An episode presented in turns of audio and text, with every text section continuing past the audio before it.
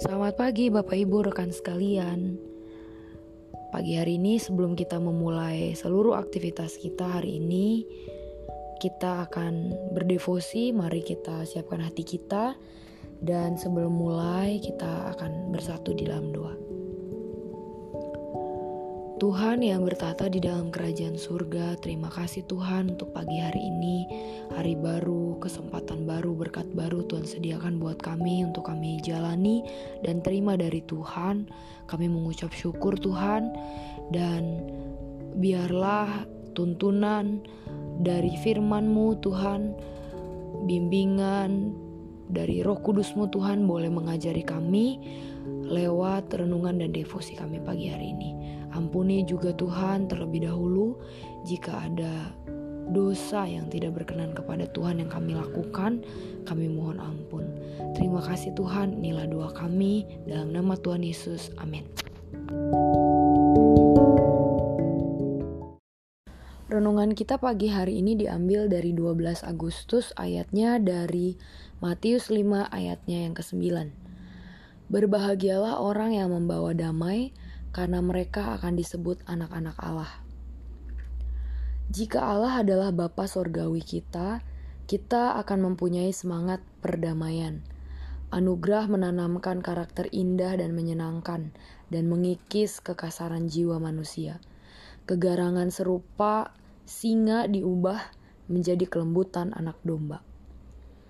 Allah Bapa disebut sebagai Allah damai sejahtera itu ada di Ibrani 13 ayat ke-20. Allah anak disebut sebagai Raja Damai di Yesaya 9 ayat 5 dan Allah Roh Kudus adalah Allah damai atau roh damai. Ada di Efesus 4 ayat yang ketiga. Orang yang semakin menyukai perdamaian, semakin dia menyerupai Allah. Allah bukanlah bapa dari mereka yang garang dan kejam, yang seolah-olah bersama Romulus telah meminum susu serigala. Mereka berlomba membuat masalah dan bersemangat menganiaya dan mengadu domba. Jalan pendamaian tidak mereka kenal, seperti Marxismus, Maximus, Maximinus yang diceritakan oleh Eusebius.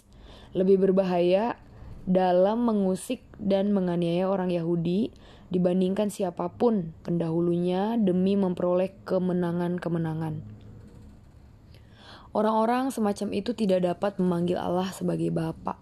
Sekiranya demikian, panggilan itu hanya sedikit memberi penghiburan bagaikan orang kaya di neraka ketika menyebut Bapa Abraham.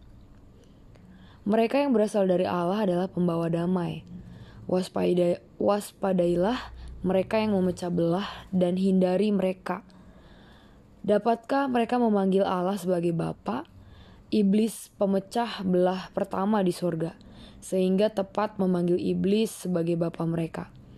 Nada musik mereka tidak selaras dan mereka bersatu untuk memecah belah.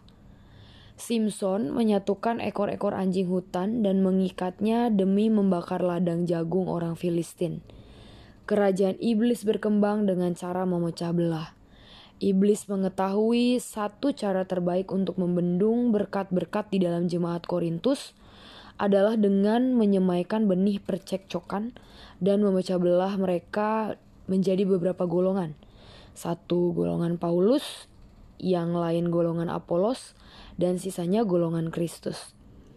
Sesungguhnya Allah tidak akan pernah menjadi bapa bagi mereka yang bukan anak-anak damai. Allah membenci mereka yang menabur pertengkaran di antara saudara seiman. Dari sumber lain yang saya baca, membawa damai artinya membawa shalom. Shalom atau damai sejahtera berarti tenang, tidak ribut, tidak ada kejahatan, tidak ada kepura-puraan.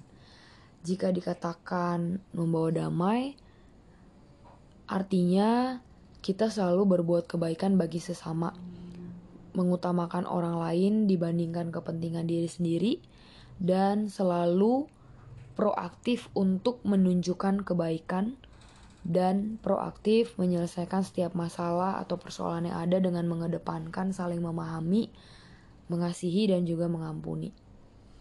Dan menariknya dari renungan yang tadi kita baca, Siapa sih yang disebut orang yang berbahagia? Orang yang berbahagia adalah orang yang membawa damai. Dan siapa yang akan disebut anak-anak Allah?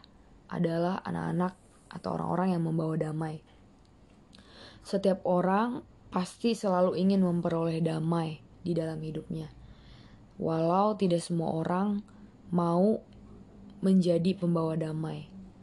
Buat saya pribadi, kondisi pandemi saat ini sering kali membuat saya uh, berfokus kepada diri sendiri. Banyak waktu yang saya luangkan uh, di rumah saja, tidak bertemu dengan orang lain atau komunitas.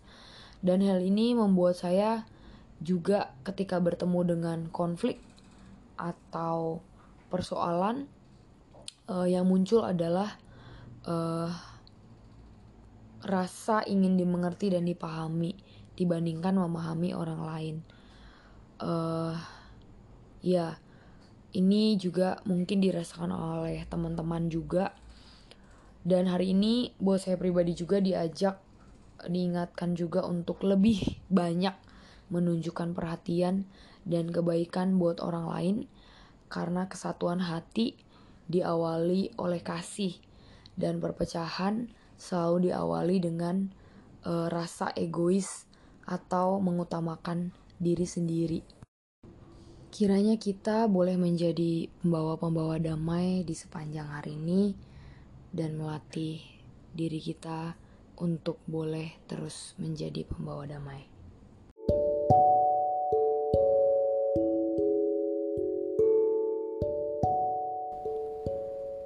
Bapak Ibu kita akan akhiri devosi kita. Silahkan untuk melihat pokok doa yang sudah dibagikan di grup WhatsApp kita Dan mendoakannya. Mari kita bersatu di dalam doa.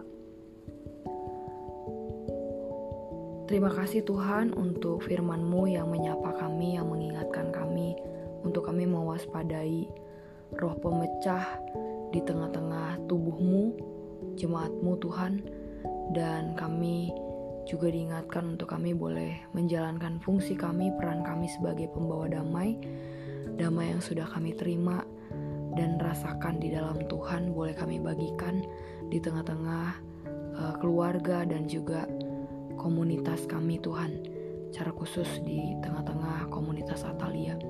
Tuhan kami mengucap syukur, mohon pertolongan Tuhan di dalam kami mengaplikasikannya. Dan kami berdoa buat sepanjang hari ini Tuhan dari pagi hingga sore kami serahkan setiap rencana-rencana kami, setiap uh, kegiatan kami serahkan orang tua murid, guru-guru, uh, murid-murid dan juga staf yang mengerjakan setiap bagiannya. Tuhan berkati kami semua. Terima kasih Tuhan. Di dalam nama Tuhan Yesus kami berdoa. Amin.